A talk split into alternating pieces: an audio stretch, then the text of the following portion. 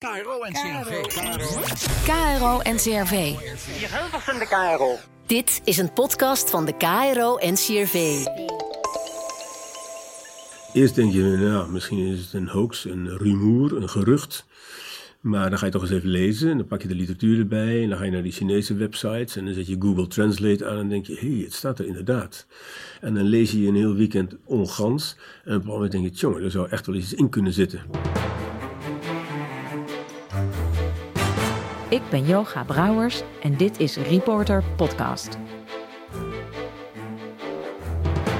Per dag wordt duidelijker hoe ingrijpend het coronavirus is.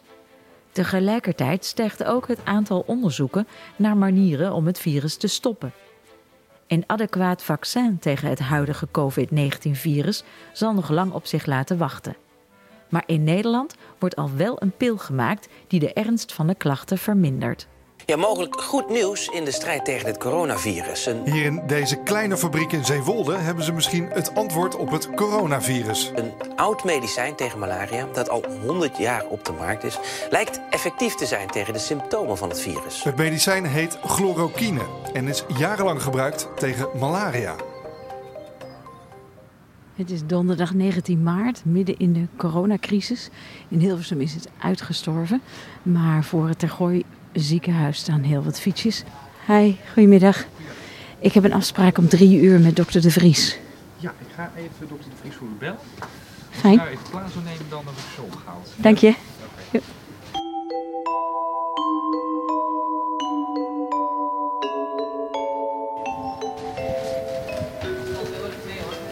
De dokter komt me al bellend tegemoet. Giving a hand to a radio reporter. Call you back today, is that okay?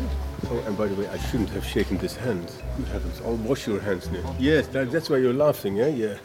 you got me. Okay. I'll close. And then the receptionist saw it, everything. Okay, we're going to my room. I'll call you later. Ik denk, dokter, dokter.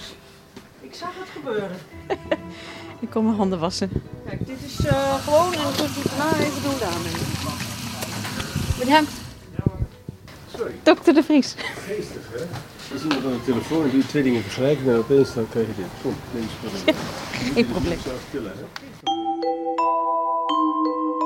Peter de Vries, internist en infectioloog in het Tergooi ziekenhuis in Hilversum, realiseerde zich een paar maanden geleden dat het middel dat hij al jaren voorschrijft voor malaria, chloroquine, ook zou kunnen werken tegen het coronavirus. Het malaria-medicijn bestaat al heel erg lang. Ik heb ooit een diaserie gemaakt over de geschiedenis van eh chloroquine. En die diaserie had ik al lang, voordat dit, eh, deze toepassing eh, ter sprake kwam. Maar je moet het zo zien dat chloroquine staat eigenlijk in een... het is een mooi verhaal. Het gaat over de ontwikkeling van, van geneesmiddelen.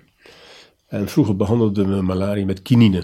Daar zijn trouwens ook prachtige boeken over geschreven. De, de, de race om kinine, want dat werd natuurlijk uit de bast van bomen gehaald in Zuid-Amerika. Maar ja, eh, Nederland, Engeland, Frankrijk, iedereen wilde dat spul hebben. En uiteindelijk is het eh, via een meneer Ledger eh, gelukt om het uit eh, Zuid-Amerika te smokkelen. En in Londen, hij was een Brit, in Londen kreeg hij het niet aan de markt. En toen was er een handige Nederlander en die kocht het, die nam het over. En toen bleek dat ook in de eh 18e eeuw de Nederlanders al goede boeren waren en goede plantages konden maken in Java, op Java. En daardoor is Nederland eigenlijk al snel monopolist geworden op het gebied van kinineproductie. En daar werd malaria altijd mee behandeld. Maar toen de Japanners eh, na de aanval op Pearl Harbor daarna ook, ehm, eh, of in die periode Azië aanvielen en na de, eh, de aanval op Pearl Harbor eh, kon Amerika ook niet meer aan kinine komen. Want ja, voor hen was Azië ook op slot. Toen moest er iets anders komen. En eh, datzelfde gold voor Duitsland. Want eh, ze hadden Nederland wel ingenomen, maar de productie van kinine vond plaats op Indonesië. En zowel de Duitsers als de Amerikanen, iedereen en de Japanners ook, iedereen had kinine nodig om malaria te bestrijden. Want vroeger gingen heel veel soldaten eigenlijk aan infectieziekten dood. Niet aan het oorlogsgeweld, maar aan infecties. Toen werd er door de Duitsers en de Amerikanen op grote schaal een synthetisch middel gemaakt. Een vervanger voor de kinine uit de bast van bomen. Ik heb vroeger veel met malaria gewerkt. Toen ik nog in een ander ziekenhuis werkte. Ik werkte vroeger in het AMC, uh, tropische geneeskunde. Veel met malaria gewerkt. En wat op een bepaald moment gebeurde in de jaren 90 is dat chloroquine, dat we gebruikten voor malaria, dat dreigde van de markt te verdwijnen. Er was niet meer genoeg omzet, omdat we voor de meeste vormen van malaria het niet meer konden gebruiken. Er was resistentie ontstaan. En toen was het voor de grote fabrikanten te weinig interessant om zo'n registratie aan te houden. Dus wij zaten toen in de problemen voor die enkele keren dat we het nog wel nodig hadden. En toen heeft het bedrijf Ace Pharma ons geholpen en gezegd: Nou, oké, wij maken dat spul beschikbaar. Wij houden dat beschikbaar. En op een bepaald moment hebben ze zelfs het registratiedossier weer opgebouwd. Nou, daar zullen ze niet veel aan verdienen, want tot voor kort eh, was het bijna nooit uh, nodig. Uh, totdat dus voor kort, kort geleden, recent, opeens bleek dat het iets doet voor die coronavirusinfectie. Ja, dat heeft u zelf bedacht, dat het iets doet voor die corona-infectie. Nou, daarvan moet je mij niet te veel eer geven. Dat heb ik niet zelf bedacht. Ik heb gevonden in de literatuur, en de Chinezen hebben dat ook gevonden, dat het uh, in een laboratoriumopstelling effectief lijkt te zijn. En eerst denk je, nou, misschien is het een hoax, een rumoer, een gerucht.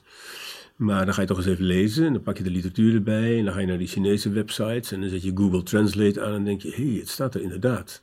En uh, nou, dan ga je lezen, hoe was die oorspronkelijke literatuur uit Leuven ook alweer en hoe ze het ook alweer bewezen. En dan wordt er een referentie in zo'n artikel gegeven, ze verwijzen naar een ander artikel, dan haal je die er weer eens bij.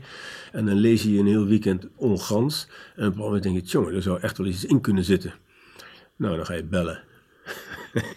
En dan ga je regelen en trekken aan touwtjes. Ook die polykliniek is lockdown. Met de Vries? Ja? Uh, ja, heel even, ja. Ja? Ja, precies.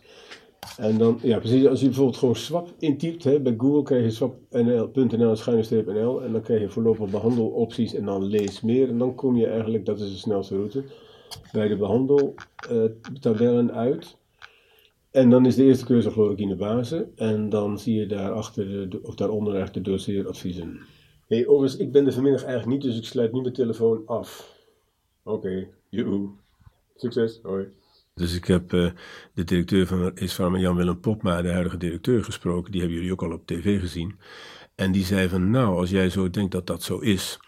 Um, laat ik dan maar gewoon de machine aanzetten en tabletten gemaakt. Ja, ik leg het op mijn simpelst uit. Het is vast veel ingewikkelder. Maar uh, het betekent natuurlijk dat hij grondstoffen moet kopen. En uh, ook van goede kwaliteit. Dus dat is niet zomaar even, ik loop naar de supermarkt, ik koop een kilo van dit. Nee, dat is allemaal gecertificeerd uh, materiaal. En volgens mij zijn die mensen daarna weekendenlang aan het tabletten slaan geweest. En nu hebben wij in Nederland een voorraad. Dus dat is mooi. Wat is er nu nodig om te zorgen dat chloroquine breed inzetbaar wordt? Nou, we zouden eigenlijk idealiter willen weten hoe het met uh, patiënten gaat die dit krijgen versus patiënten die placebo krijgen. Ik zie dat op een intensive care op dit moment niet gebeuren, want uh, de, ja, de mensen die daar werken zijn helemaal overspoeld. Die kunnen er nog niet een trial bij hebben. En bovendien, het aantal mensen op de IC is niet heel erg uh, hoog. Daar ga je nooit echt iets met statistische significantie van, van zeggen. Uh, ik hoop dat we allemaal in Nederland meedoen aan een internationaal uh, initiatief, waarbij we alle data zoveel mogelijk uh, uploaden naar een internationale database, zodat de WHO onder andere daar op een bepaald moment iets mee kan. Ik denk dat het aantal patiënten dat niet zo heel erg ziek is, maar wordt opgenomen in de ziekenhuizen, daar zou je wel heel graag willen weten of chloroquine versus placebo, dus chloroquine versus of vergeleken met een pilletje waar, waar niks in zit uh, of dat iets doet. En je zou natuurlijk nog geïnteresseerd zijn in de populatie van mensen die nog helemaal geen infectie hebben of geen symptomen van infectie. En of je die, als je die nou bijvoorbeeld elke dag een pilletje zou geven, of je die daarmee zou kunnen beschermen. Dus ja, dat is een, dat is een, dat is een ingewikkeld proces. En daar is geld voor nodig? Er is geld voor nodig, altijd. Waar komt dat vandaan? Daar zijn fondsen voor. Uh, allerlei stichtingen. Uh, de overheid heeft met uh, behulp van ZON-MW ook allerlei fondsen beschikbaar gesteld. soms zijn de, ziek, de ziektekostenverzekeraars, soms in de industrie. je hebt maar dat moet hier nu nog ge, ja, bij elkaar geschraapt worden. Ja, dat zijn we allemaal nog aan het doen. Ja, ja, ja. ja, ja. Ik zet hier zo meteen bij de deur een collectebakje. Kunt u een muntje in doen?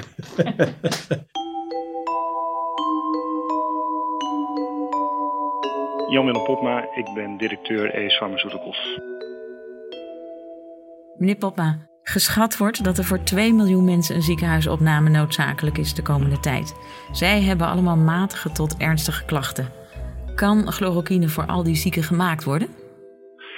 Ja, het is natuurlijk aan de arts om uh, te bepalen of uh, de be betreffende patiënt ook uh, chloroquine nodig heeft. niet elke patiënt krijgt dan ook chloroquine. Maar indien dat wel het geval zou zijn, zijn we er technisch goed voor uitgerust om deze tabletten te kunnen produceren. Ja, het is zelfs nummer 1 behandeloptie. Hoe heeft u ervoor gezorgd dat chloroquine meteen beschikbaar was? Chloroquine is een, uh, is een oud geneesmiddel dat wij produceren en beschikbaar houden voor ongeveer uh, 350 patiënten. Voor hen houden wij het product ook op voorraad. Daarnaast beschikken we over uh, voorraden grondstof op basis waarvan we de tabletten kunnen produceren. Daar houden we ook voorraden voor aan. Um, door direct de productiecapaciteit vrij te maken in onze fabriek in Zeewolde zijn we in staat gebleken om in hele korte tijd extra chloroquine tabletten te kunnen produceren. Ja, maar ja, nu, nu moet het dus opgeschaald worden, want er zijn steeds meer mensen die ziek worden. Uh, uh, hoe doe je dat? Want waar komt dan, ik denk altijd maar als je een taart bakt heb je veel bloem nodig. Waar komt de grondstof vandaan? En hoe slaagt u erin om genoeg bloem voor die taart uh, te, te hebben? Ja, ik snap uw vraag. Ja, dat blijft natuurlijk een continue uitdaging. Um, ondanks dat wij uh, de productiecapaciteit hebben om voor uh, heel veel patiënten chloroquine-tabletten te kunnen produceren, valt of staat de beschikbaarheid van, die, van die tabletten natuurlijk met het toevoegen van chloroquine-grondstof. En in tegenstelling tot, tot de bloem die u net noemde, wordt die grondstof vaak gemaakt in gespecialiseerde fabrieken die vooral in India en China staan.